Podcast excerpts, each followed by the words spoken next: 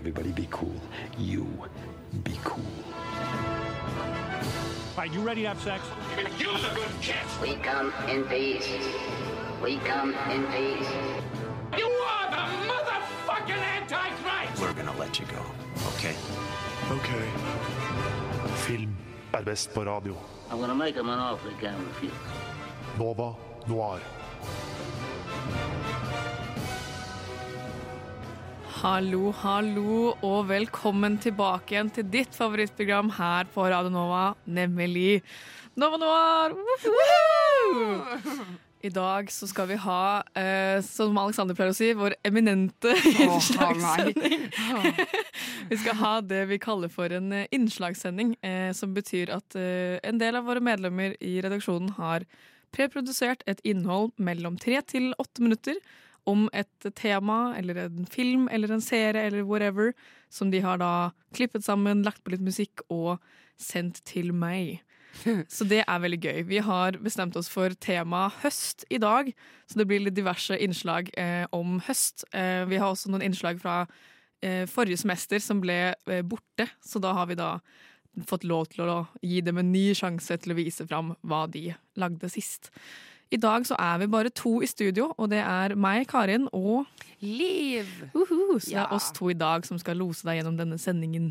Eh, vi går rett på eh, stykket Sett sin sist, men før det så får dere høre Down Low av Kitty. Sett siden sist. Da skal vi over på vårt faste eh, inn, hva heter det, stikk, Ja. som heter Sett siden sist.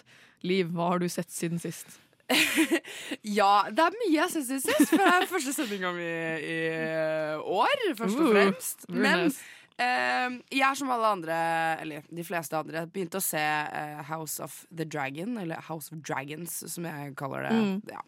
Eh, men eh, det er ganske trått, egentlig. Jeg syns at eh, jeg- er liksom på fjerde episode fortsatt. Eller Hvor mange episoder er det? Jeg lurer på om det kanskje er seks episoder ute nå, eller fem. Ja. Det har i hvert fall kommet ut når de jentene har blitt voksne. Men jeg har ikke okay. kommet meg så langt, fordi jeg liker å se på serier når jeg spiser. Og det er helt umulig med den serien der, for der er det liksom Det er blod og det er tarmer slengt veggimellom, og det er bare sånn Det, det blir litt mye. Så jeg har nemlig funnet en annen serie som jeg bare ser på fordi jeg bare syns det er så dårlig. Og det er en sånn ny NRK-serie, ungdomsserie, som kan sammenlignes litt med Rådebank, men som ikke er det i det hele tatt. Men serien heter Rykter. okay. Og handler om en sånn bergensgutt som heter Jon Erik, som eh, blir del, del av et overfall som filmes og så blir det lagt ut i sosiale medier. Så han flytter derfra og til en sånn liten øy eh, som heter Vesterøy. Og jeg skjønte ingenting, fordi eh, alle snakker som om de er fra Stord. Og så googla jeg Vesterøy, så er det sånn Å, det er en øy utafor Hvaler. Sånn, Men hvorfor Hæ? snakker alle Stord? Så ser jeg nå at det er en fiktiv øy. Okay, Vesterøy. Okay. Og da var jeg sånn, ok, da gir det mening. For jeg skjønte ingenting. Bare sånn, Hva er det her for noe? Eh, men ja, så han eh, flytter i hvert fall dit, da, og det går litt rykter, og ja, han prøver å finne plassen sin. Og det er bare, det er bare så Men det er sikkert fordi at jeg føler meg så gammel, sant? for det handler om liksom 07-ere, altså de som går på teen, i tiende klasse nå. Oh, Gud, var- Og jeg er da elleve år eldre, så jeg sånn, føler meg nesten pedofil som sitter og ser på det, liksom. Men kan du liksom sånn- relatere deg til noe av det de sier? Altså, Jeg kan jo relatere til sånn ah, fy fader, det her var jo ungdomstida, på en måte. Men jeg har jo ikke noe jeg, Det er sånn derre Ting blir lagt ut på eh, Exposed, og det er sånn masse TikTok Hva- og sånn hva er det? ting som jeg bare ikke gjorde når jeg gikk på ungdomsskolen, på en måte. Men jeg kan jo kjenne meg igjen i men det er så teit, for at hun ene er, sånn her, er i et forhold med en eller annen fyr, og så eh, har hun lyst til å flytte sammen med han. Og de er sånn 16 Nei. år, skal på videregående, og han er sånn Vi er 16 år, vi kan ikke flytte sammen. Nei, jeg, skal, jeg skal bli fisker! Og det var sånn der, masse greier, så jeg var sånn Nei. Og så plutselig kommer Leo Ajkic inn. Og Kamelen er plutselig fotballtrener. Så de har liksom fått inn noe sånne Det er litt sånn som venner fra før eh, serien, der det plutselig dukker opp masse folk og sånn. Jeg skjønner. Eh, men det her er i hvert fall veldig sånn der, eh, ganske kort sånn miniserie Det er ikke miniserie engang. Det er sånn Episodene varer ti minutter. Hæ? Så jeg bare, Og så kommer det ut eh, på mandager og torsdager. Så jeg bare og Det kommer liksom hele tida masse ti Ja, minutter om gangen. så det Liksom. kommer liksom to episoder om gangen, og så varer det i ti minutter. Og så er jeg bare sånn, jeg ser på det bare fordi da kan jeg spise kveldsmat. Det er som, det er som en. YouTube-video, Ja, basically. bare som en serie. Og så Ja. sitter jeg med roomien min som er fra Bergen og bare 'Det der er fra Bergen, det der er der, og det er der. Jeg skjønner igjen det.' Og så er jeg sånn okay. Åpenbart. Jeg fant ut at det er en fiktiv eh, øy, så ja, Det er kanskje å anbefale for de, den litt yngre garden. Hvis man vil ha noe liksom drama, vestlandsdrama, Veldig gøy. så kan man se på det. Jeg bruker det som tidsfordriv. Nice.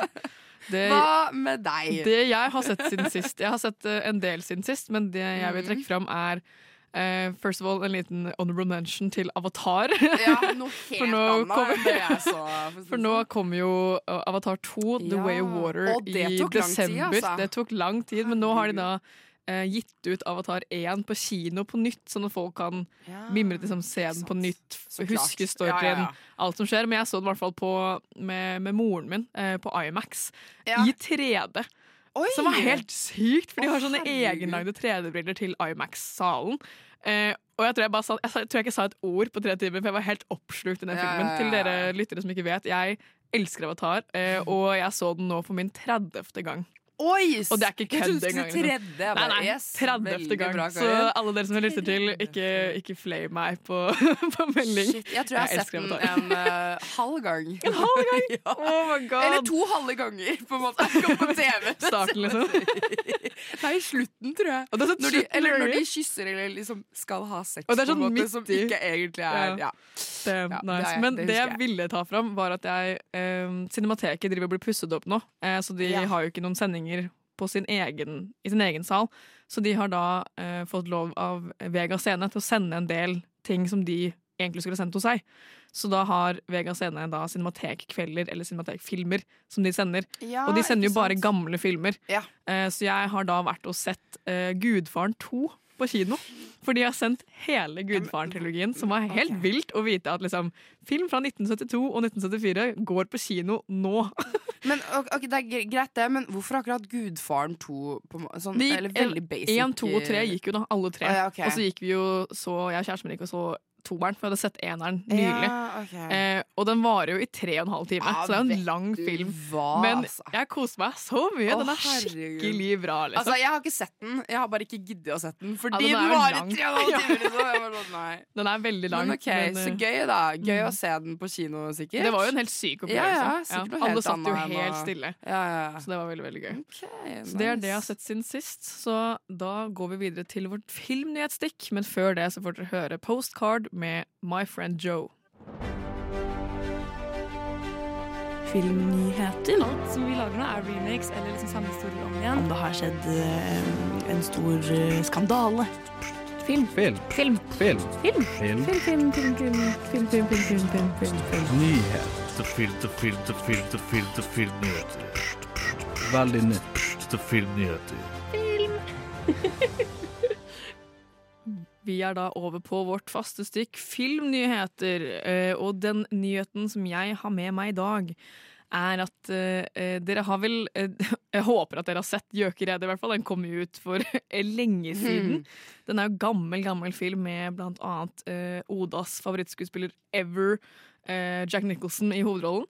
Uh, og hun som har spilt den sadistiske, fæle, grusomme legen, hun sykepleieren på det eh, mentalsykehuset som eh, eh, Jack Nicholson ble lagt inn på, eh, hun døde i går. Så hun er Og det var død. i går, ja. Ja, hun døde i natt eller i går. Ja, eller Nei, det er fem døgn siden, Ja, faktisk. 23. september. Ja. Ja. Så hun eh, ble 88, faktisk. Så hun ble jo gammel dame. Ja, eh, og hun døde av det de kaller for natural causes. Ja, så hun sant. døde sannsynligvis da fredelig og rolig i sin egen seng, var men var gammel. Eh, det som er litt spennende med henne, er at hun spilte den ene rollen og vant Oscar. Og det Oi. er liksom det Oi! jeg vet om henne. Eh, ikke ta meg på det, det kan hende hun har spilt i mye annet. Men Star Trek. ja, hun har spilt i mye annet på 70-80-tallet, men den Ja. filmen er hun jo verdenskjent for. Ja, Alle vet hvem hun er, og hun er jo legendarisk i den rollen. Og det er sånn, Hvis du bare sier 'hun legen i Gjøkeredet', vet alle hvem jeg mener. Men hun vant jo Oscar for den, ehm, som er en sinnssyk rolle. Hun er jo den verste karakteren i verden, tror jeg. Jeg må innrømme at jeg ikke har sett den filmen her. så- Den bør du se. Den er ganske syk. Ja, for Veldig trist. Ja, men ok, fordi det er en pasient som gjør opprør mot systemet på mentalsykehus. Ah, midt i blink for meg! Ja, Ja. men kanskje jeg For det er skal liksom- gjøre en som deg og bare gå litt tilbake i tid og bare sjekke ut den. For det er Jack Nicholson som blir, eh, feng han blir arrestert. Ja. Og så får han Jeg har velge mellom hørt om enten den. får han samfunnsstraff, eller så blir han lagt inn på Ja. mentalsykehus. Oi. Og så tenker han at han kan jo bare være der Ja, til ja. han blir dokumentert frisk igjen. Ja, ikke sant. Men hun legen er så slem og fæl og bare holder han der og diagnostiserer han som, men, som, som gæren. da. Ja. Så han slipper jo ikke ut. Han blir fanga der i stedet for i fengsel. Så han er jo mer fanga der enn det han hadde vært i fengsel. Så det er jo Ja, veldig uh, Den er ganske syk. Ja, Så det- filmanbefaling og en trist nyhet. Hva er din Ja. filmnyhet, Liv? Uh, du, jeg har også en nyhet som uh, handler litt om Oscar, faktisk. Eh, og det er nemlig hvilken film som har blitt tatt ut som Norges Oscar-kandidat. I fjor var det jo 'Verdens verste menneske'. Eh, og i år så har det stått mellom tre filmer, og det er eh, 'Syk pike'. Som er på en måte den skitne lillesøsteren til 'Verdens verste menneske'. Så det sa jo egentlig seg selv. Den, og den har vært veldig i vinden nå, da. Eh, og så har vi 'Alle hater Johan' med Pål Sverre Hagen. Den har jo du anmeldt. Den har jeg Nice. Det har jeg faktisk. Jeg likte den veldig godt, så det syns jeg var på sin plass. Og så er det eh, den nye filmen som kom ut eh, forrige uke, eh, 'Krigsseileren'. Som da er en ny krigsfilm. Ja. Eh, Så vi ikke har nok av de fra før av. mm, det er akkurat det. Og det er liksom de siste ti årene så er det lagd åtte krigsfilmer. Nei, hæ? Ja, og så kommer det fire stykker til. Nei! Eh, så det, det er jo litt sånn derre Jeg får lese den den det blir litt mye, på en måte. Ja. For da står det jo hun ene Det er vel en eh, filmregissør En kvinnelig filmregissør som er sånn Det er bra at de blir laget, men alle pengene går til Ja, de da- det er filmene. og det. ingenting annet. Det er, sånn, Det det er er jo fint det. at de blir laget, men det blir ikke gitt noe støtte til noe annet enn Nei, det er akkurat det. Og det, det er så høyt budsjett. sant? Det er gitt liksom 200 millioner kroner til krigsfilmer da, mellom 2016 og 2021. Det er vilt mye penger. Eh, så er det skuespiller, Ulrik eh, Imtias Rolfsen, som har vært med i Issat og Den siste revejakta. Han er sånn Jeg er ikke imot filmer fra krigstida, men eh, det blir kanskje litt mange, og jeg er helt enig. Og det er jo så klart det er den filmen Ja, er som ble liksom Norges Oscar-kandidat. Og akkurat nå så syns jeg det er litt vanskelig å si om jeg syns det var bra eller ikke. For jeg har sett både Syk pike og uh, Alle hater Johan, men jeg har ikke sett Krigsseileren ennå. Kan hende den er kjempebra, men igjen så er jeg sånn Vi har allerede gitt ut Ja. syv andre. Det er akkurat det. Så, og så er jeg sånn vi- kan, Klarer den å overgå liksom, suksessen til Verdens verste menneske?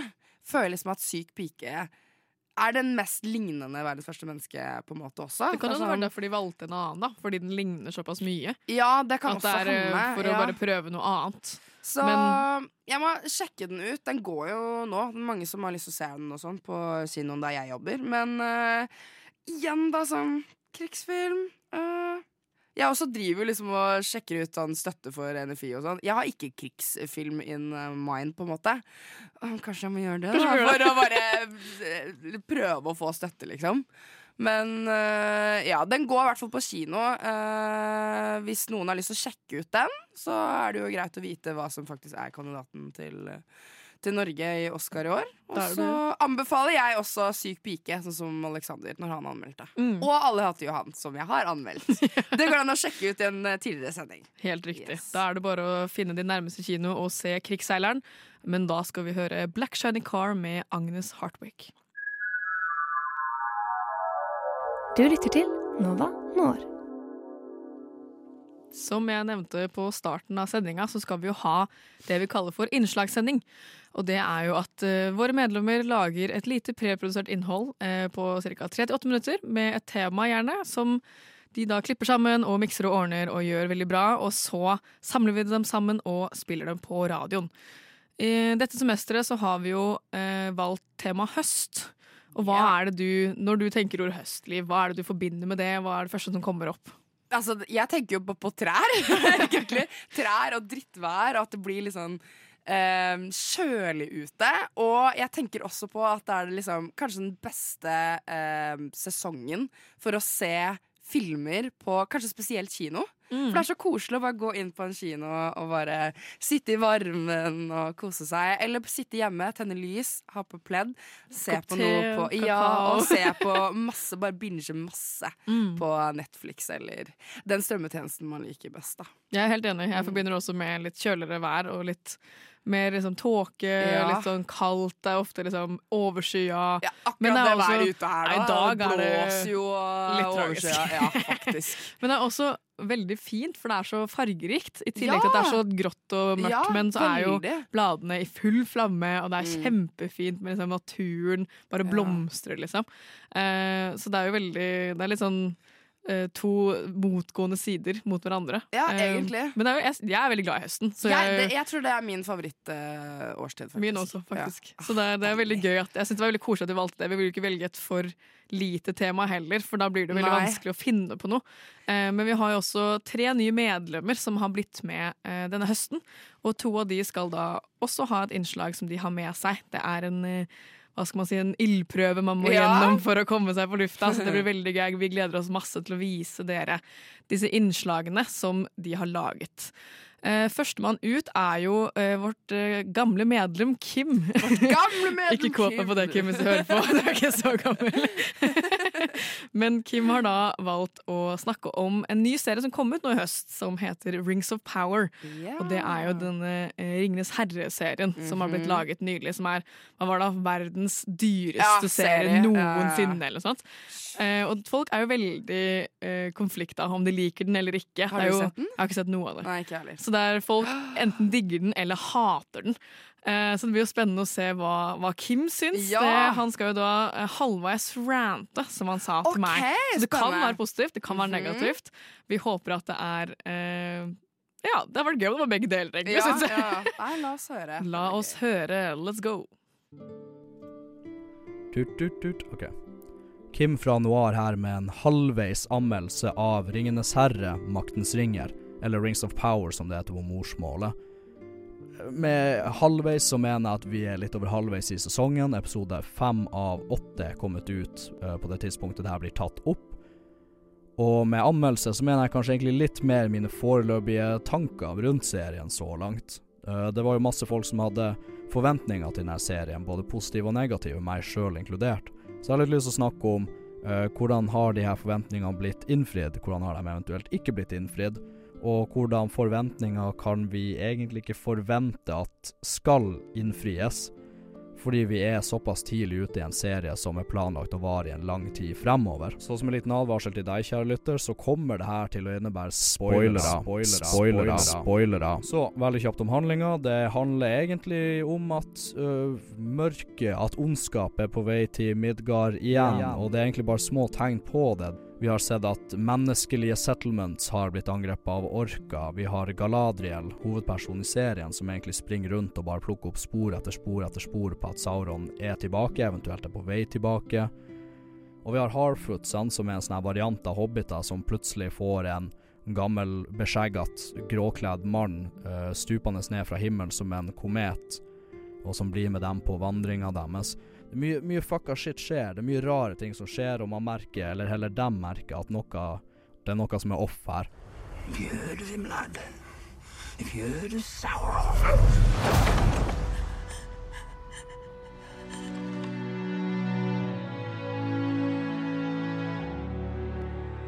Jeg kan jo gå inn på det med hmm, effekter. Hvordan ser denne serien ut? Den ser ut som penger. Den ser ut som penger, for å være helt ærlig. Amazon har jo brukt en trilliard trillion dollar på denne serien her, og det synes på godt og vondt. Eh, effektene er ganske bra.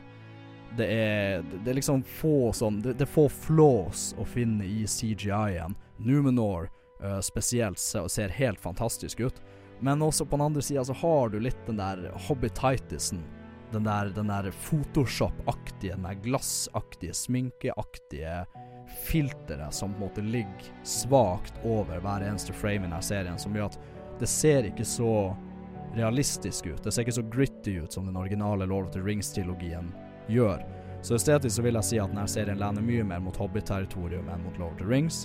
Men når de går inn til de mørkere og de litt sånn De litt mer grisete eller grumsete delene av det universet, eksempelvis i orkleirene, så ligner faktisk denne serien veldig på Shadow of Mordor-spillene, eller Shadow of War-spillene, om du har spilt det. Uh, og dem da er jo liksom supergrumsete og bare sånn voldelig og blodig og gørrete. Så det er en sånn Jeg liker det veldig godt, men det føles som en veldig hard kontrast til hvor, hvor, hvor plastic fantastic og hvor gyllent uh, de alviske kongerikene ser ut, og hvor, uh, hvor, hvor mystisk og blåskinnete og glinsete dverghulene ser ut. Og, og, og spesielt da Numenor også, som jeg nevnte. Og det er kanskje kontrast som er med vilje, det kan godt tenkes. Uh, og hvis i så fall, bra jobba. Hvis ikke, bra jobba. Mm, dere har noe å gjøre på konsistens. Uh, uansett så er det det er CGI, et CGI-show, jeg skal si det. Det ser ut som penger som er blitt brukt i det, og hvis du ikke liker sånt, så kommer du til å bli litt sur. Men hvis du foretrekker bra effekter og liker ting liksom ser quote unquote flawless ut, om man kan si det sånn, ja, da, da kommer du til å ha det jævlig, jævlig fint med det.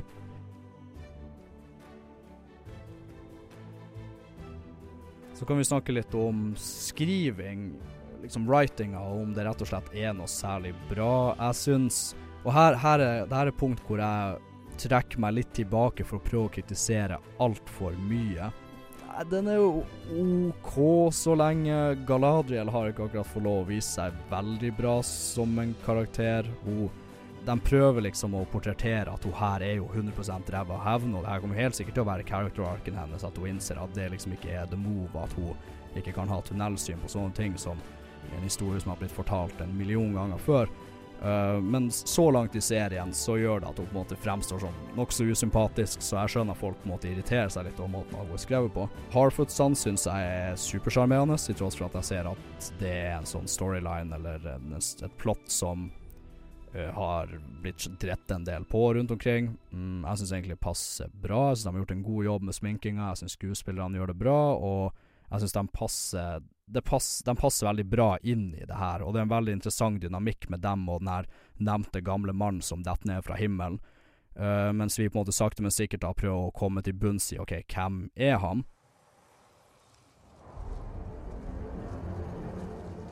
You have been told many lies of Middle Earth.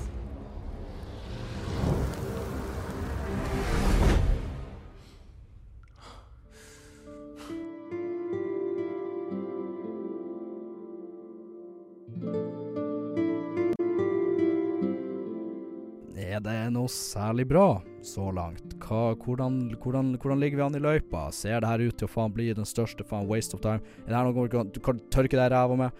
Eller er det her aldeles fortreffelige greier? Ja, jeg skal gi et veldig kjedelig svar.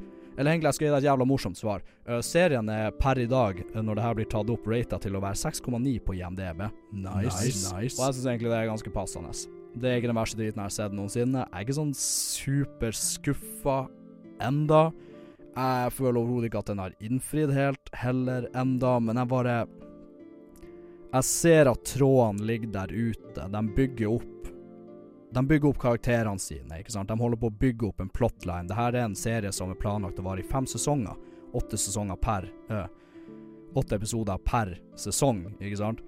Så de har, de har, ut De har lagt ut det som De har etablert en baseline, ikke sant. De har etablert en baseline her. Jeg velger, jeg velger, å legge tilliten min i skribentene her, for hvis de faktisk klarer å vri litt på de her karakterene, hvis de klarer å bygge dem, og hvis de klarer å gi oss noen twister som ikke er sånn helt super 100% dust, så tror jeg det her kan bli ganske bra, yo. Uh, du må komme deg over at det her, er, det her kommer ikke til å være en serieversjon av Lord of the Rings. Uh, det her er et megaselskap sitt megabudsjett som er slengt inn i en mega-IP. Uh, og som da er forventa å generere megamasse penger. Peng. Uh, det her kommer til å høres ut som et sjokk for deg, kanskje, men du, du, kan gjøre mye bra med masse penger og mye talent. Peng. Det er definitivt verdt å se. Jeg beskriver meg sjøl som forsiktig optimistisk. Som jeg var forut serien sin start, og som jeg nå egentlig fortsatt er etter episode fem.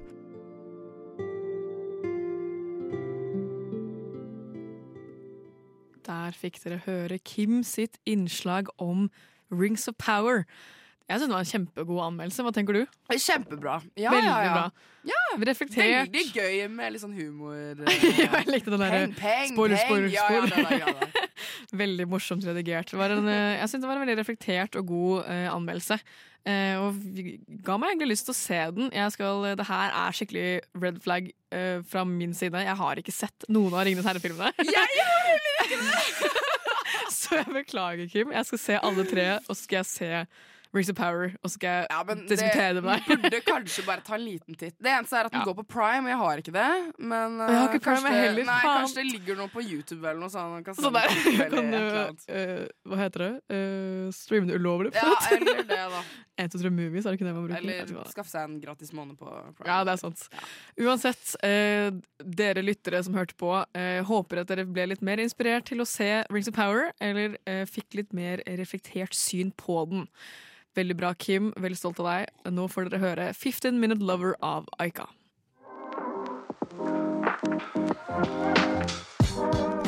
Nova Noir. Film på radio.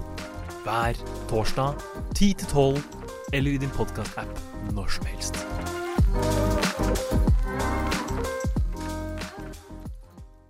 Vi er da over på vårt neste medlem. Eh, Lars skal da ha et innslag. Lars er også et av våre gode faste medlemmer som har vært med en stund. Eh, og Lars eh, lager alltid veldig morsomme innslag. Eh, og nå har han laget et innslag som han har bare kalt Lars sine høstfilmer. Oh, da er det kanskje litt forskjellig Det kan være litt hva som helst. Ja. Og vi er jo veldig forskjellige på hva vi ser på høsten. Eh, Ja. Så det kan jo være nesten hva som helst. Det er, eh, hva tror du det kan være? Hvis du skal lese Lars som Det blir jo kanskje noe annerledes enn eh, For nå har jo Kim snakka om serien Rings of Power, så det er jo litt fint å få litt filmer også. Men Mm. jeg har faktisk ikke peiling. Men, det kan, for det er jo flere enn én. Så det er Ja! jo det er, hvilke filmer Er det to, er det tre, er det fem? Er det bare er ramsa opp, eller er det liksom Nei, er det en slags anmeldelse? Jeg vet ikke. Jeg aner ikke. Jeg gleder meg i hvert fall veldig til å høre. Eh, Ja. Så jeg tror vi bare spinner eh, innslaget av gårde, og da får dere høre Lars. Når jeg fikk vite at det temaet vi skulle lage en sending om, var høst, så begynte jeg å tenke litt på at når man tenker høstfilmer, så ender du veldig fort opp med halloween. da, på at Det er jo i, i slutten av oktober som er liksom prime time høst. Eh, så jeg, jeg ville jo se om jeg kunne finne noen filmer vi kanskje Som ikke eh, omhandler halloween så kraftig, da. Eller, eller skrekksjanger generelt, selv om jeg skal innrømme at jeg har funnet en skrekkfilm eh, til å ha på listen. Men jeg har jo funnet frem tre filmer, og jeg tenker at det første, og egentlig ganske åpenbare filmen eh, som har et høsttema, er jo The Fantastic Mr. Fox. eh, den eh, animasjonsfilmen fra Wes Anderson. Eh, den har vi jo pratet om tidligere på eh, animasjonssendingen vi hadde tidligere i 2022. Eh, på det der er det jo Sesongen er jo ekstremt kraftig høst. Det er oransje farger overalt. Det, er, det føles tidlig litt som Breaking Bad i Mexico, hvor det er sånn veldig, veldig oransje. Men eh, det er en veldig hyggelig familiefilm eh, som eh, liksom passer veldig fint til eh, høst, da. Liksom, klærne de er sånn høstvibber. Det er sånn du, du merker at det begynner å bli kjølig i luften. Og det, er sånn, det er veldig gode vibes. da Og jeg tenker at det er en sånn veldig fin film vi kan uh, foreslå. da til å, hvis, du, hvis det er en sånn litt sånn kjedelig høstdag, så kan du kose deg med den. På at det, Selv om det er sånn kalde vibber, så er det en veldig sånn varm film da du virkelig kan eh, kose deg med.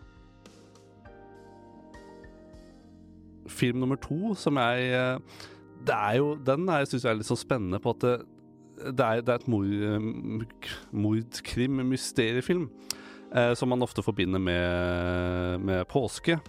Men eh, selve handlingen og innspillingsdatoene også når de faktisk spilte inn den filmen, er jo fra oktober til desember, eller sånn høsten, da.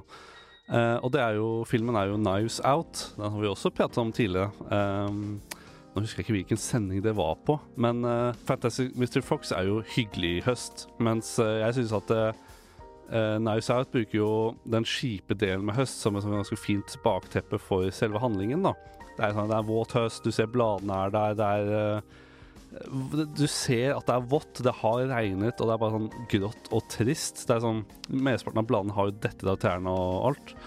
Eh, men eh, det er også en veldig sånn Selv om det er en morbid liksom, film med tanke på mord og sånt, så er det Jeg syns jo egentlig det var sånn Jeg så noe mer med min familie når jeg eh, først sånn, og den eh, synes, liksom, Det vekker jo latter, da, og også en sånn varm Eller sånn koselig film du kan hygge deg med. Da. Det er sånn du, du sitter ikke igjen med sånn negative tanker. Du, du, det er egentlig sånn feel good-film, selv, selv om det skjer et mord i filmen. Så det er jo uh, min andre anbefaling uh, hvis du skal tenke på et høst. da. Det er, det er en ekstremt god film, og det passer jo egentlig veldig bra på at eh, var det A Glass Onion, A Knives Out Story. Altså nummer to i filmserien kommer jo nå ut i desember, hvis jeg ikke husker feil, på Netflix. Um, forhåpentligvis også på kino. Så er, den gleder jeg meg veldig til. Eh, den, ser, eh, den ser jo ikke ut til å ha høst som et tema. Er, tvert imot så virker det som det er kraftig sommer i Hellas, hvis jeg husker riktig. Og da har jeg jo kommet til eh, film nummer tre eh, i den rekka, og det er jo Jeg må jo ta skrekkfilm. Jeg hater jo skrekkfilm, men eh, liksom når det er høst, så jeg, Selv om jeg sa det i starten at jeg ikke ville gå inn i den skrekkfella, så gjør jeg det allikevel. Og det er jo The Shining, så klart. Eh, og er jo, den er jo midt på harde vinteren oppe i fjellene, da, eh, hvor handlingen er satt. Men eh, jeg tenker at hvis du skal ha, litt sånn spooky stemning da, i høsten, kanskje til på halloween, så er jo det en veldig fin film. Ja, fin, ja, kanskje ikke akkurat fin, men er, den, passer moodet. og hvis du er sånn som meg og misliker skrekkfilmer sterkt, så er det jo egentlig en thriller. Eh, men eh, i sin tid da, så var jo den filmen veldig veldig skummel. Og det er jo så klart ubehagelig, men eh, hvis du skal se en skrekkfilm, så er det det, det er min go to, for å si det sånn. Eh, og det var jo egentlig min eh, lille liste over høstfilmer. Eh, vi har hyggelig film, litt hyggelig film, og så har vi egentlig ganske sånn eh, ubehagelig film, hvis jeg kan si det sånn. Jeg gleder meg veldig mye til å høre hva de andre ha, har på gang her. Og så ses jo, eller vi høres, senere. Der fikk dere Lars sine tre anbefalinger, og det var, om du ikke fikk det med deg, eh, The Fantastic Mr. Fox, The Shining og Knives Out. Jeg syns jo alle tre var veldig gode, gode valg. Uh, jeg har jo sett to av de før, i hvert fall. Jeg har ikke sett Knives Out enda. Uh, men Den er så bra! jeg vet det. Alle bare anbefaler den til meg. Jeg har bare ikke hatt tid. Det er ingen god grunn til å ikke ha sett den. Da er det rett under et pledd nå Ja, det er faen meg sånn rett hjem, se Knives se Out. den. Jeg synes det er veldig bra- anbefalinger fra Lars. Veldig Mm. gode eh, begrunnelser for det. Han argumenterte godt for seg, og eh, jeg syns det var et veldig bra innslag. Veldig bra, Lars. Veldig stolt av deg. Og, og da skal dere få høre Occupied med Tiger State. Alle tre, og så kommer Elvis og bare What the fuck? Har du sett Parasite? Ja. Har du sett Parasite? Du vet når hun gjør den der, den der den huskeregelen sin? Å, shit, shit. Uh, Nova Noir.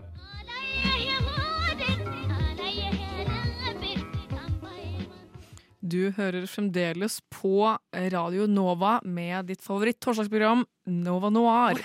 Uhu, og vi har eh, som sagt innslagssending der våre medlemmer har laget et lite preprodusert innhold til sendinga i dag. I tillegg så legger vi jo ut litt stories der du kan følge med live hva som skjer as we speak. Så det er bare å flippe opp Instagrammen og følge oss på at Nova Noir. Der finner dere oss på Instagram, så det har vært hyggelig om dere ville følge oss. Nestemann ut er vårt nye medlem, et av våre nye medlem, som heter Astrid. Og Astrid har da laget et innslag om en film. Det er et lite eh, hint i vår siste Insta-story, så da er det bare å tune inn der.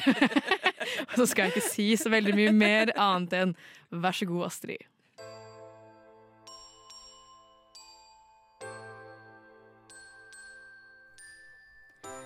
Hva er egentlig en høstfilm? Jeg har i utgangspunktet ikke noe godt svar på det, men når været begynner å bli kaldt og jævlig og mørkt, så får i hvert fall jeg abstinenser for å krølle meg opp under dyna og se på noe som er like mørkt som været utenfor. Jeg er en sucker for både fantasy og skrekksjangerne. Egentlig hele året, men kanskje særlig om høsten. Og hvis en miks av disse to sjangerne i tillegg har innslag av det mer groteske, så er jeg alltid helt solgt. Det er vel stort sett ingen film som for meg tilfredsstiller disse behovene mer enn den spanske fantasyfilmen Pans labyrint. Mitt navn er Astrid, og i dag skal jeg snakke om hvorfor nettopp Pans labyrint er en av mine favorittfilmer å se om høsten. Pans labyrint fra 2006 er skrevet og regissert av meksikanske Guillermo del Toro Gomez, som også har regissert bl.a. Pacific Rim, Hellboy, Crimson Peak og selvsagt The Shape of Water, som i likhet med filmen jeg skal snakke om i dag, har vunnet Oscar for både beste regissør og beste film. Som produsent har han også jobbet på sett som Hobbiten-filmene og Heksene fra 2020. Pans labyrint utspiller seg i fjellene i Spania i 1944, rett etter den spanske borgerkrigen. Vi følger jenta Ofelia, som bor på et gods sammen med sin syke og gravide mor, og hennes sadistiske stefar, en fascist kjent som Kapteinen, som jakter ned og slåss mot opprørerne som holder til i skogen rundt godset, og alle hans soldater og tjenere. Ofelia finner samtidig også ruinene av en labyrint, hvor hun møter en faun som sender henne ut på flere faretruende oppdrag, der hun møter forskjellige eventyrfigurer, om man kan kalle dem det. Ofelia er nemlig ifølge faunen en slags gjenfødelse av en bortkommen prinsesses sjel, og for å kunne returnere til kongeriket sitt, så må hun følge faunens oppdrag. Dette høres kanskje koselig nok og storybook nok ut, men la meg bare understreke Pans labyrint er ikke en barnefilm. For selv om vi følger Ofelias reise i et eventyrunivers, så får vi parallelt servert filmens andre og mer dominerende handling, nemlig kapteinens blodige oppgjør mot opprørerne. Allerede 16 minutter inn i filmen blir vi servert det første morbide drapet, som gjennom filmen skal oppfølges av flere grufulle drap og torturscener, som regel ganske nærfilmet. Eventyruniverset Ofelia utforsker er heller ikke søtt eller trivelig, men heller okkult, dystert og til tider like voldelig som den virkelige verden hun også lever i. Men personlig så er det nettopp dette som gjør filmen så sinnssykt fet. Det er en ekte fantasy for voksne folk.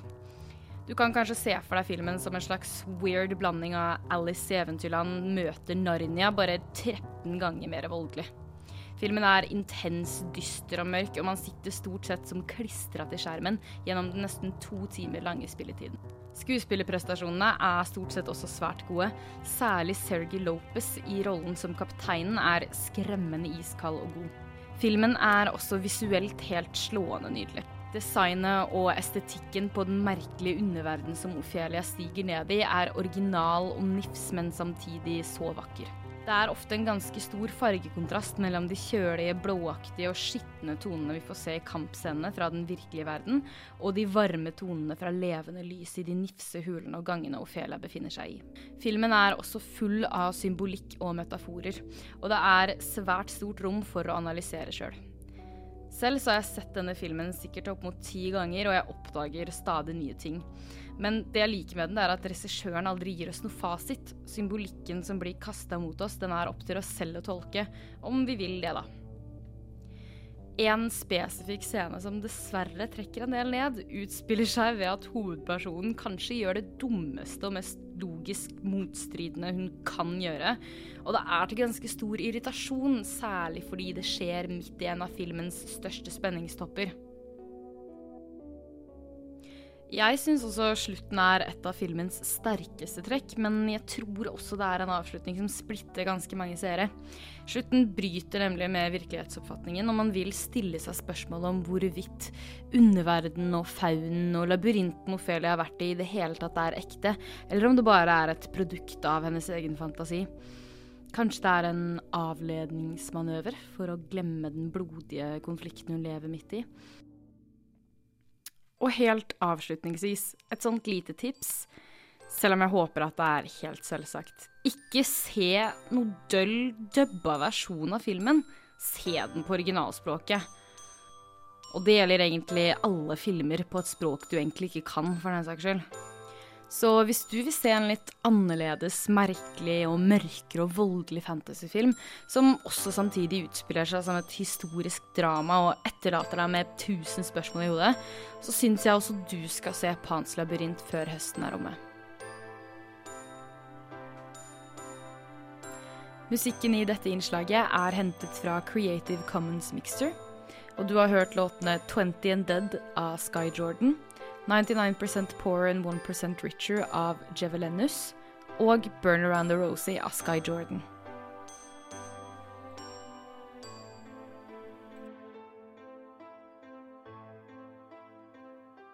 Der fikk dere høre Astrid sin anbefaling av Pans labyrint. For en fantastisk fantastisk anmeldelse, Astrid. Veldig, veldig bra. Det var et uh, veldig fint og godt innslag fra deg, og jeg likte veldig godt uh, copyright-greiene på slutten. Det bør, vi andre, det bør vi andre også kanskje begynne å plukke opp. Det var ikke så dumt, altså. Gi credit der credit uh, Ja. bør gis, er det ikke det man sier.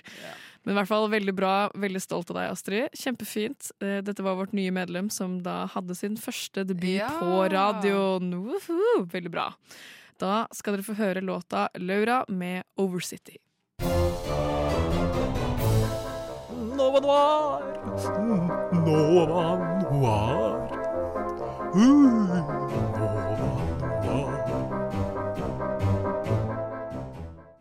Vi skal da gå videre til eh, enda et nytt medlem som har blitt med dette semesteret, og det er Carl Aksel. Carl Aksel har da også laget et innslag om sine favoritthøstfilmer, slik som Lars gjorde, eh, men med en litt annen tone. Eh, det er jo, eh, som flere har nevnt, snart halloween, og det gir deg da muligheten til å enten velge rent, rene halloween-filmer, Ja, skrekk og eller splatt. kan du velge det motsatte. og det går an.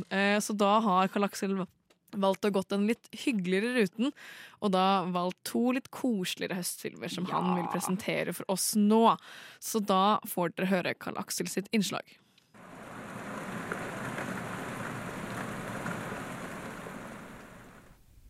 Hei, jeg heter Karl Aksel Lyby. Jeg er ny her i Nova Noir, og i dag, i dag skal jeg snakke med dere om filmer jeg liker å se nå på høsttiden. Når jeg titter ut av vinduet mitt på hybelen her på Rodeløkka, så ser jeg vandre opp i krypsen nedover ruta. Jeg ser bladene sprette utover fortauet under trærne, og det kan kun bety én ting. Høsten har ankommet. Når man forbinder film med høst, tenker man jo kanskje halloween. Det vet jeg i hvert fall at eh, jeg gjør. Det er den relasjonen jeg eh, på en måte skaper med en gang. Men eh, for min del er det litt for tidlig. Derfor vil jeg heller prate med dere om to filmer jeg anser som ja, hakket mer koselig enn halloween-relaterte skrekkfilmer. Nemlig The Intouchables, også kalt De rødlige, og Nutting Hill. The Intouchables er en buddy-komedie fra 2011, og denne filmen treffer meg dypt i hjerterota. I filmen har vi Driss, spilt av Omar Sy, og Philippe, spilt av Francois Cluzette. Driss er en mann som ikke har noen særlige andre ambisjoner enn å leve på trygd, og som alltid har funnet seg selv litt i trøbbel. Og på den andre siden har vi også den rike, funksjonsnedsatte og kanskje litt bitre Philippe, eh, som ansetter Driss som pleieassistent. Dette er en film om et usannsynlig vennskap, en film om to forskjellige sjeler som knyttes på en utrolig vakker måte, og egentlig mot all forutsetning også. Og det er en film jeg aldri kommer til å bli lei av. Om du aldri har sett denne filmen før, eh, kan jeg anbefale den på det høyeste, og om du har sett den, så er vel dette en god påminnelse til å se den igjen. Og på den andre siden har vi også Nutting Hill, og dette er i grunnen en film som er ganske lik The Untouchables, i og med at den også vekker de samme hjertefølte emosjonene. Denne filmen spiller også på dette grunnlaget om en ganske usannsynlig relasjon mellom to mennesker som lever helt forskjellige liv. På den ene siden har vi William Thacker, spilt av Hugh Grant, som føler han har oppnådd for lite i livet, og som står litt fast. Og på den andre siden har vi Anna Scott, spilt av Julie Roberts, superstjernen som er på motsatt side av spektrumet av oppnåelser, men som også føler press av dette, og finner seg låst i livet hun lever. I'm also just a girl Standing in front of a boy. William Thacker og Anna Scott møtes på uheldig vis da Thacker sølger appelsinjuice utover hele antrekket til superstjernen. Ut fra dette dannes det en vakker kobling mellom to mennesker og et forhold mange bare kan drømme om. Dette er en romantisk komedie som lenge var min guilty pleasure, Men eh, som jeg nå bærer ganske stolt som en av favorittfilmene mine, og den er genuint megakoselig. Passer perfekt inn i høstkosen hel før helvete braker løs med skrekk og gru nærmere halloweentiden. Alt i alt er dette to filmer som passer ganske perfekt inn når alt du egentlig har lyst til å gjøre er å legge deg under et ullpledd på sofaen, smelle opp noe frekk og fyldig kakao og kanskje attmed noen boller, og bare glemme omverdenen litt. Kos deg. Der fikk dere høre Carl Axel sine to anbefalinger, som da ble Notting Hill og The Untouchables. Så da er det bare å smelle opp en eh, stor, feit kakao, eller hva, hva Carl Axel det- brukte. Veldig bra. Veldig gøy at du maler et så fint bilde av omgivelsene. Det setter vi veldig stor pris på. Så da har dere fått enda litt flere høstfilmanbefalinger, og med det får dere høre Gutted med Lazy Queen. Er Inglourious Bastards den beste Tarantino-filmen? Nei, det er jo ikke det. Det er ikke det. det er, er det noen som mener noen av dere det? Nei. Sånn helt Ja. Du mener det? Ja. Film er best på radio. Nova Noir. Vi er nå halvveis i vår eh, ukentlige sending, og da har vi fremdeles eh, sending om innslag som, som forbindes med høsten. Det er vel det man sier, er det ikke det? Det er det, vet du. og nå er det eh, faktisk min tur til å vise fram mitt innslag. Eh, jeg har jo også gått i samme fella som alle de andre og valgt en typisk høstfilm som jeg ser om høsten, men jeg prøvde å vinkle det på en bitte litt annen måte. Eh, jeg har da valgt filmen Dead Poets Society fra 1989. det syns jeg var jævlig lættis. Sorry, sorry. Nei, så det er, eh, det er hvert fall en eh, veldig fin og bra film, eh, og da får dere høre mitt innslag nå. Some people like to rock, some people like to roll, but moving and a groove is gonna satisfy my soul. Let's have party. Da vi satt rundt bordet på vårt ukentlige møte og skulle finne ut hvilket tema vi skulle ha til innslagssending, bestemte vi oss til slutt for tema høst. Umiddelbart etter denne avgjørelsen visste jeg hvilken film jeg ville snakke om. Filmen jeg valgte, er en film jeg kun hadde sett én gang før, men denne filmen satte et spor i meg, og jeg mimret tilbake til denne filmen flere ganger siden jeg så den. Det er en klassisk og enkel film, men dette gjør den ikke til noe mindre hjerteskjærende eller innflytelsesrik. Filmen jeg har valgt, er ingen ringere enn Dead Poets Society fra 1989.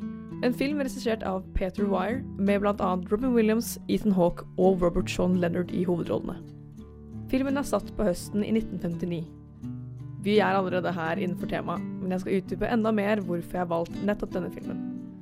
Vi befinner oss på Welton Academy, en kostskole for gutter der den ytterste disiplin og akademisk prestasjon står aller fremst. Som oftest er det unge gutter med ekstremt ambisiøse foreldre som går på denne skolen for å bli leger, advokater, ansatte i banker eller lignende. Foreldrene deres er mildt sagt strenge. Det er på tide å ta imot det nye kullet med elever, og blant dem er nykommeren Todd Anderson. Todd begynner rett på sitt junior year etter å ha blitt flyttet over fra en annen skole, og blir romkamerat med Neil Perry. Skolen de går på er kjent for å være en brutal og streng skole, der lite annet enn skolearbeid er tillatt. Skolen har i tillegg fire søyler som skal representere de fire viktigste tingene en elev skal forholde seg til, nemlig tradition, honor, discipline and excellence. Gentlemen, what are the four pillars? Tradition, honor, discipline, excellence. Vennegjengen som Todd blir en del av gjennom sitt vennskap med Neil, er skoleflinke gutter, men de har et ønske om å stå opp mot disse strenge reglene skolen har satt opp for dem. Da den nye læreren deres, Mr. Keating, Oh, Captain, my captain. begynner å undervise dem i engelsk, finner de sin egen måte å gjøre dette på. Mr. Keating er selv tidligere elev på Welton, og får elevene sine til å finne en dypere mening med livet sitt, nemlig gjennom poesi. Medicine, law, business, engineering. These are noble pursuits. Poetry, romance, love. These are what we stay alive for.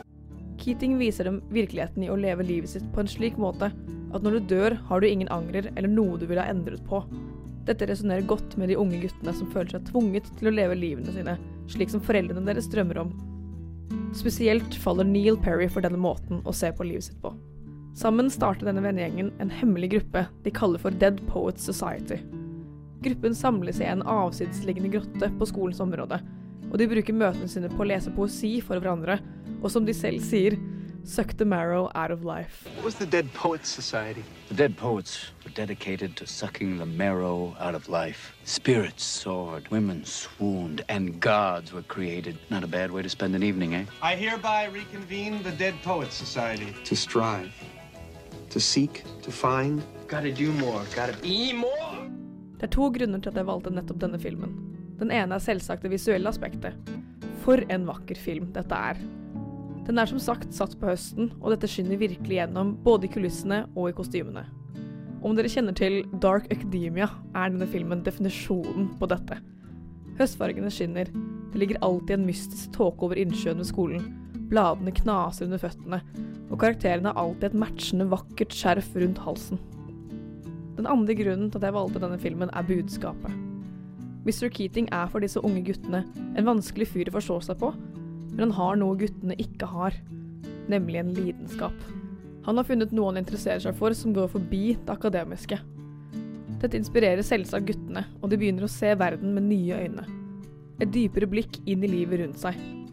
Verden er nemlig ikke så grå og ensformig som de en gang trodde. Jeg vil ikke si så mye mer om filmen i frykt for å drepe magien om du som lytter noen gang kunne bestemt deg for å se denne filmen. Om du i så fall gjør det, har jeg kun én ting å si til deg. Følg med. Hør etter, og ikke minst, nyt den. For å avslutte dette lille innslaget mitt, har jeg fått min gode venn Robin Williams til å si noen ord, og de lyder som følger.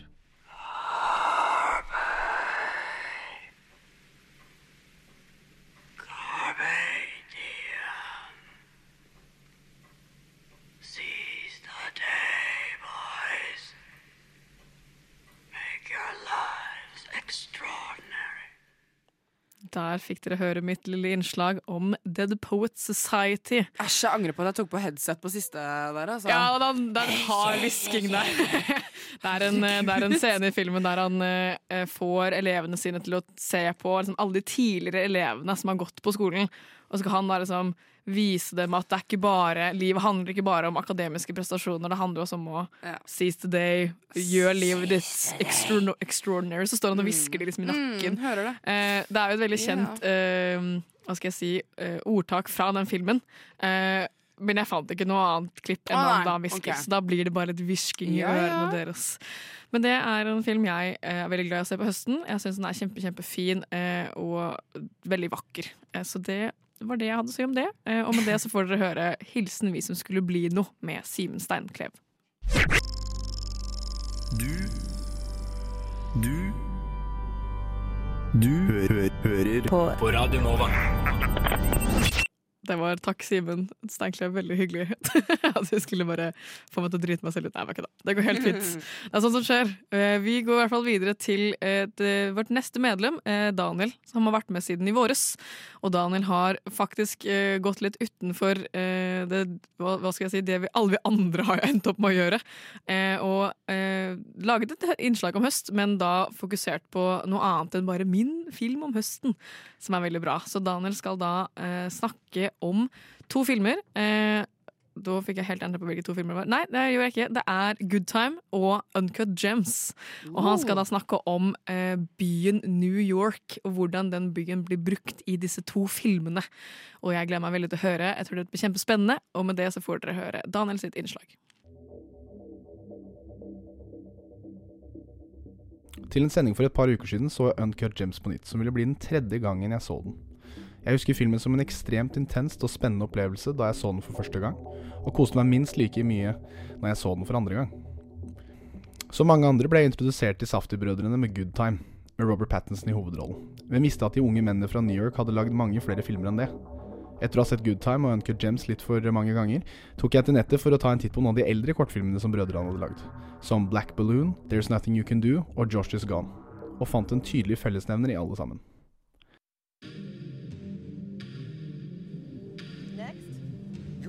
You're. Do you understand? Yeah. I'm serious. You think I could have done that without you standing next to me being strong? Are you feeling this? Are you feeling because I'm feeling right now?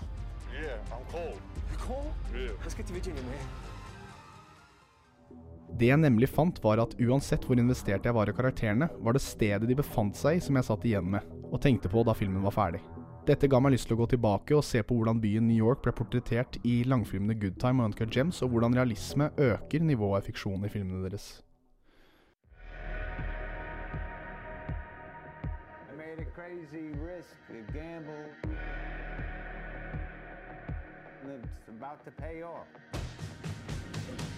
Saftig-brødrenes blikk på New York, i Good Time og Uncut Gems har nå blitt den hovedsakelige grunnen til hvorfor jeg fortsetter å sette dem på. Så mye som jeg elsker karakterene og dialogen, er det den nådeløse, kalde og energiske byen som aldri sover, som trekker meg inn og både skremmer meg.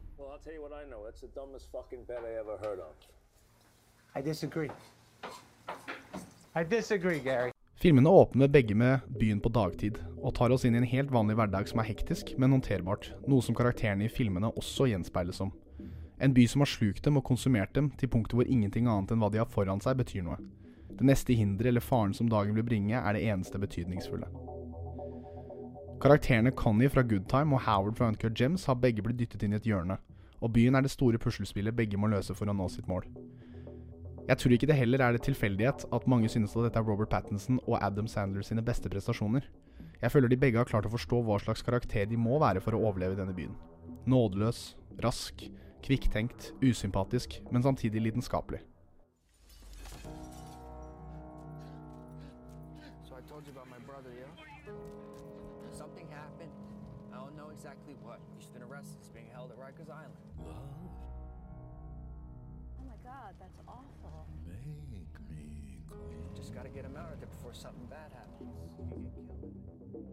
Gjennom en by som nærmest føles helt ekte ut, kommer også resten av filmens karakterer ut som mer interessante og komplekse.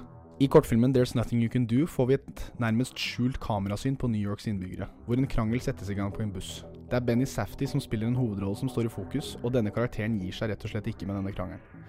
Dette skjer også ofte i Good Time og i Uncut Gems, hvor vår fiksjonelle hovedrolle kommer i snakk med karakterer som i bunn og grunn spiller seg selv. Nattklubbeiere, pantelånere, gullsmeder, sykehuspasienter eller helt vanlige innbyggere. De øker realismenivået på filmen til nye høyder.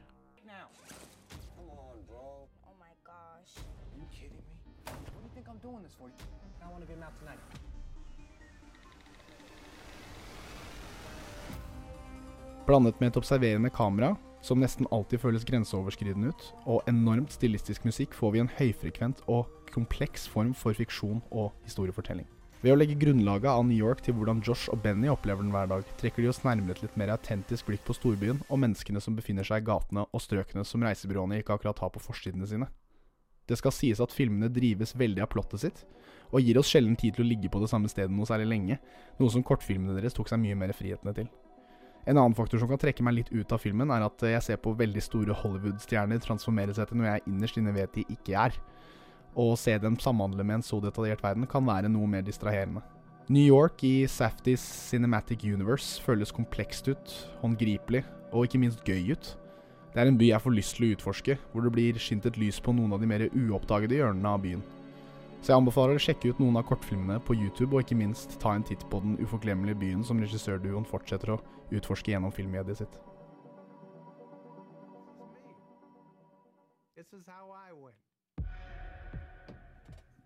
Der fikk dere høre Daniel snakke om New York og hvordan denne byen blir brukt i Good Time og Uncut Gems.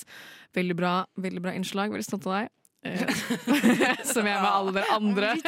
Stolt av dere alle sammen. Dere er så flinke.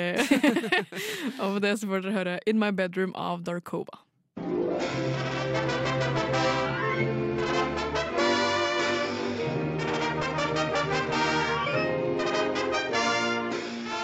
lytter til Nova Noir hver torsdag 10-12 eller på podkast når du vil.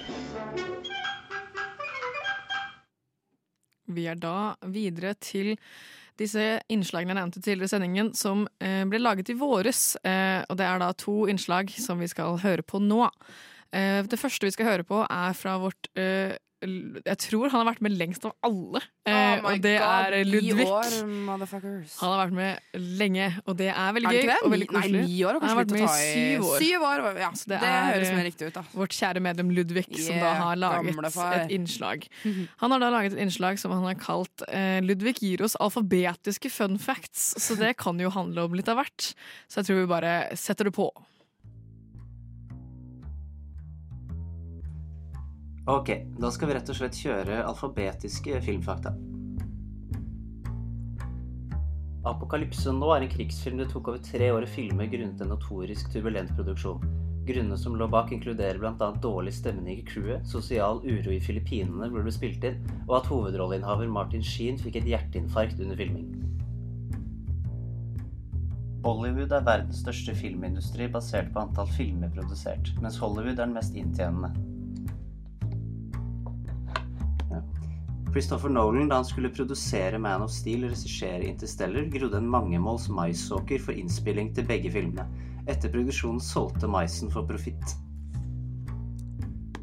Donald Trump sin lille opptreden i Hjemme alene 2 ble klippet ut av mange TV-sendte versjoner av filmen etter han ble president. E.T., selve karakteren, sies å være inspirert av Albert Einstein og en mopshund. Film som ord hadde ingen historisk betydning før mediet kom. Det ble laget som betegnelsen på delen av filmrullen som skaper bildet. Gudfaren-skuespiller Marlon Brando hadde under en tredjedel skjermtid i filmen, til tross for å være kreditert først. Hollywood-skiltet ble satt opp i 1923 for å promotere et nytt boligfelt i nærheten og hadde aldri noe med film eller underholdning å gjøre originalt. Istid var originalt skrevet til å bli en dramafilm, men studio insisterte på å gjøre den til en komedie. Jurassic Park-dinosaurene fikk lydene sine på kreative måter. For Tyrannosaurus rex ble det brukt skrik fra babyelefanter, og for velociraptorene ble det brukt lyder av skilpadder som paret seg. Kulltegningen av den nakne Kate Winslet i Titanic ble tegnet av regissøren James Cameron selv. La Dolce Vita, den italienske klassikeren fra 1960, er filmen som populariserte ordet paparazzi, oppkalt etter fotografen til hovedpersonen. Manuel de Oliveira, en portugisisk regissør som levde fra 1908 til 2015, er den eneste profesjonelle filmskaperen som lagde filmer fra stumfilmtiden til den digitale. Norges beste film er Flåklypa. Den bare er det. Oscarstatuettens kallenavn er et mysterium. Den mest aksepterte myten er at en sekretær i akademiet som gir den ut, syns den lignet på onkelen hennes en gang på 30-tallet. Psycho fra 1960 var den første mainstream amerikanske filmen som viste et toalett bli trukket ned. Alfred Hitchcock gjorde dette for å øke sjokkfaktoren i filmen. Quentin Tarantino sin ukjente debut er en svart-hvit amatørfilm fra 1987 som heter My Best Friend's Birthday. Den ble aldri ferdig. Rotter økte i popularitet som kjæledyr etter Pixar-filmen Ratatouille kom ut. Steven Spielberg har noe kontroversielt referert til spillefilm på strømmetjenester som brudd på det han kaller The Sanctity of Cinema. TMZ, eller 30 Mile Zone, ikke Sladrebladet, er et område på omtrent fem mils radius rundt Hollywood hvor arbeidsvilkår og rettigheter for filmarbeidere er annerledes innen og utenfor. Umberto D, en italiensk film fra 1952, brukte stort sett kun uerfarne amatørskuespillere. Hovedrolleinnehaveren Carlo Battisti skal visstnok ha vært så gira for å komme første dag på sett at han stilte opp i to slips. Vancouver i Canada er en av de viktigste filmbyene i verden pga. gunstige økonomiske fordeler. Den brukes ofte som stand-in for steder over hele verden. West Side Story fra 1961, som er basert på Romeo og Julie, er den mest suksessrike Shakespeare-adaptasjonen i verden. X-Files har aldri gått av lineær-TV siden serien sluttet i 2002. You Only Live Twice, James Bond-filmen fra 1967, var skrevet av Roald Dahl. Sett er en algerisk film fra 1969 som ble den første afrikanske filmen til å vinne en Oscar for beste utenlandske film. Vær så god, der fikk du noen unødvendige fakta som du ikke trenger i livet. Peace. Der fikk dere høre litt av hvert fra Ludvig. Jeg lærte i hvert fall veldig mye av, denne, av dette innslaget. Jeg synes det Akkurat var det der med Ja, veldig. Akkurat det der med det toalettet. Det er jo eh, i 1922 toalett man kunne dra ned på. Altså Ja, med sånn- ja, med sånn kom. snor. Så det er egentlig litt morsomt. Ja, basically. Jeg syns det var veldig gøy. Det var Veldig kreativt. Veldig. Uh, og jeg skjønner ikke hvordan han har klart å finne alle disse faktaene. Jeg har klart å Nei. da stokke dem om til alfabetisk rekkefølge. Men i alle fall, veldig godt jobba. Jeg lærte masse. Kjempegøy. Igjen stolt av deg, Ludvig. Uh, og med det så får dere høre Rat King av Suck. Fra ende til annen intenst. Nova Noir.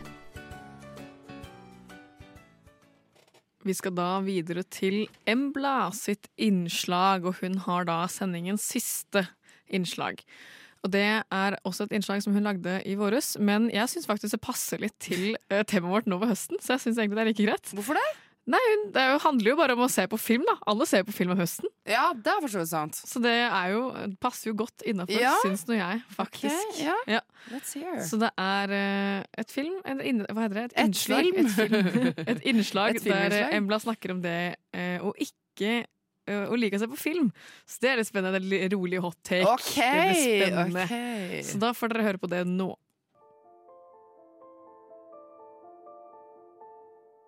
Jeg har alltid sett på meg selv som en filmelsker. Jeg har laget egne filmer siden jeg kunne snakke.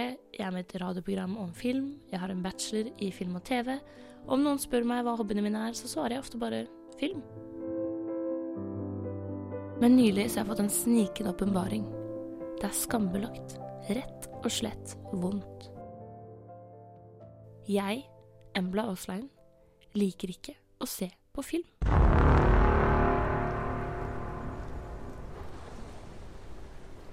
Denne åpenbaringen, og dere må la meg forklare før dere dømmer, kommer ganske gradvis.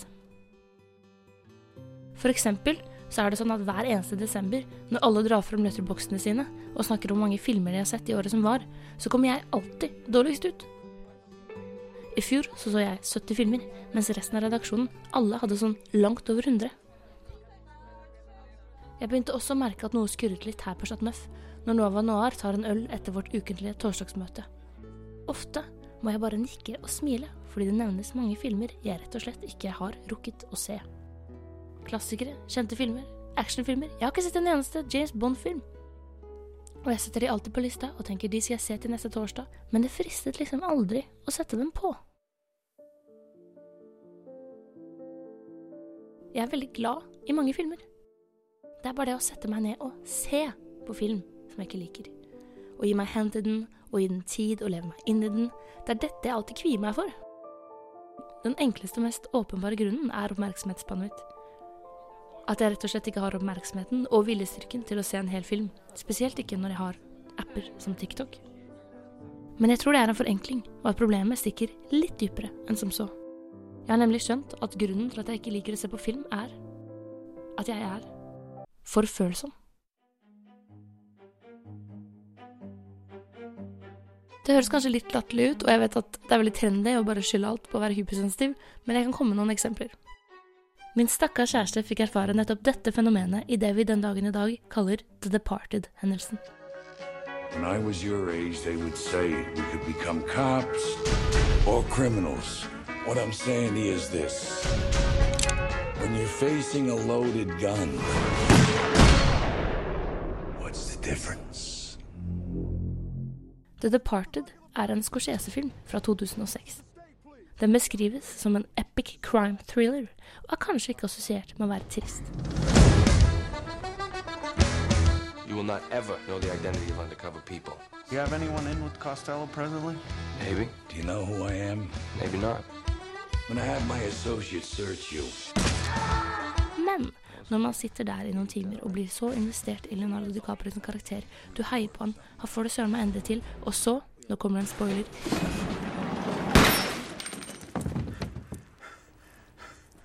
I en helt latterlig, latterlig antiklimatisk scene blir selve helten, selve Leo, Jack fra Titanic, skutt. Han dør brutalt. Det er filmens jumpscare, filmens sjokkfaktor. Kanskje det som for mange gjør at The Departed er en kul film. Men for meg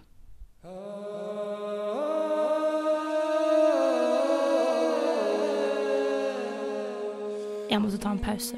Verden min raknet. Jeg ville aldri se på film igjen. Det var fint mesteparten av filmen. Jeg ble veldig glad i alle karakterene. Eh, Så tok det en brå vending da hennes favorittkarakter plutselig ble drept. Jeg hadde sett filmen før, så jeg så den komme. Men jeg forventet allikevel ikke den reaksjonen som skulle komme. Hun eh, brøt fullstendig ned og gråt, og var helt ute av seg i hvert fall Jeg vet ikke, en halvtime? Time? I hvert fall sa hun at hun aldri kom til å se på film igjen.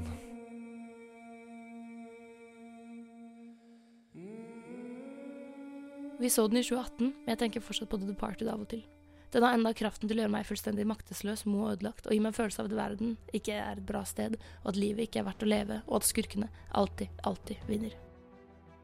Og når en film jeg så for fire år siden kan gjøre det med meg den dag i dag, hvordan skal jeg klare å se flere filmer i uka? Manchester by the Sea gjør fortsatt vondt. Nightcrawler gjorde meg dritsur hele påsken. I will never ask you to do anything that I wouldn't do myself. Gudfaren provoserer meg hver gang jeg tenker på det. Lost in translation tenker jeg på kanskje hver dag. Does it get easier? No. Sam sin tale i Ringenes herre. So wrong. By rights, we shouldn't even be here. Når Mathias ikke får til å ringe kundeservice i Mathias og Maxim. Når faren trøster henne i 8th grade. Når storebroren begynner å gråte i mid-90s. Og fuck filmhistorielæreren min som tvang meg til å se Sykkeltyven.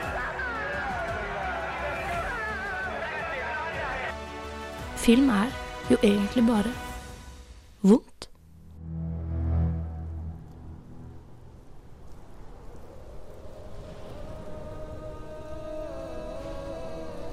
Og når hver eneste film jeg ser, blir som et anker jeg må drasse med meg resten av livet, er det rart jeg ikke klarer å se så veldig mange filmer.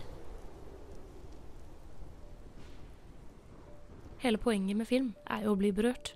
Men for mennesker som meg, som er født berørt, så kommer det til å ta litt lengre tid å komme seg gjennom katalogen. Og det får være greit. Klarer jeg å se mer enn én film i uka, så er jeg ganske fornøyd. Og kanskje det rett og slett ikke er meningen at jeg skal se Schindlers liste. Det at jeg fortsatt prøver å tvinge meg selv til å konsumere innhold, selv om det gjør så innmari vondt, og det er en så innmari stor påkjenning, det syns jeg er ganske imponerende. Jeg syns alle burde begynne å applaudere meg for alle filmer jeg klarer å se, for at jeg klarer å komme såpass ut av komfortsonen, og klarer å i det hele tatt få meg noe som helst. For jeg hater jo faktisk å se på film.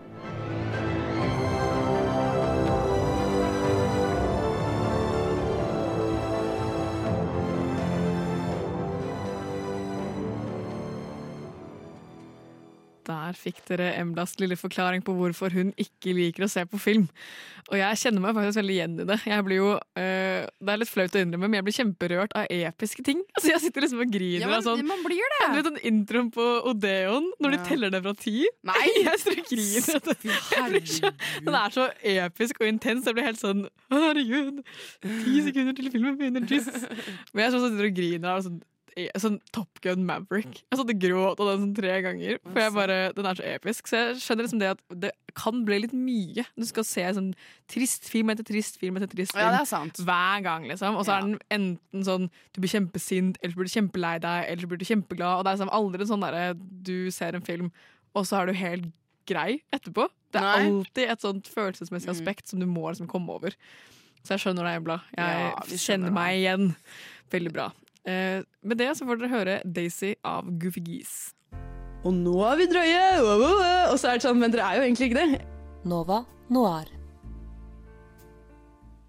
Oh yes, da er vi faktisk eh, ved veis ende. Jeg klarer ikke Vi prøver å lage litt zoom-innhold her. Jeg får det ikke til. Vi driter i det. Liv, du får, eh, Jeg du får det ta over stafettpinnen for zoom-innholdet. Ja, jeg kan gjøre det. Vi har i hvert fall vist dere litt forskjellige innslag som våre medlemmer har laget om da tema høst. Og jeg syns alle har vært veldig flinke og kommet med veldig bra filmanbefalinger. Veldig gøy. Jeg synes det er kjempegøy å høre ja. på. Herregud, er så, dere er så kreative. oftere, Jeg ja. syns det. Dere er så kreative alle sammen.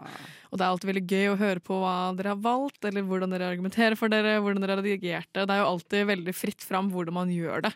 Eh, Så det er jo alltid veldig gøy å liksom se hva slags morsom, Mm. morsom greie har du gjort med det. Eh, Så det skal vi fortsette med. Innslaget er veldig, veldig gøy. Eh, Vi hadde jo da temaet høst. Føler du at du har lært litt mer om høstfilmer å se, eller anbefalinger å få, eller? Ja, eller sånn Jeg vet ikke helt hva Det, det jeg tenkte mest på, var sånn Notting Hill. Den Mm. kan jeg, den, kan jeg liksom, den, den traff meg litt. Burde kanskje se den Ringenes herre Ja, Rings of Power. eh, Rings Ja. of Power. Power. um, men uh, jeg vet ikke. Jeg ble ikke noe klokere på hva jeg selv ville valgt, tror jeg. Jeg syns det er litt sånn Fader, nå må jeg Sorry. Zoom-innholdet er går i ikke Det må gjøres på egen hånd. Eller hva tenker du, da?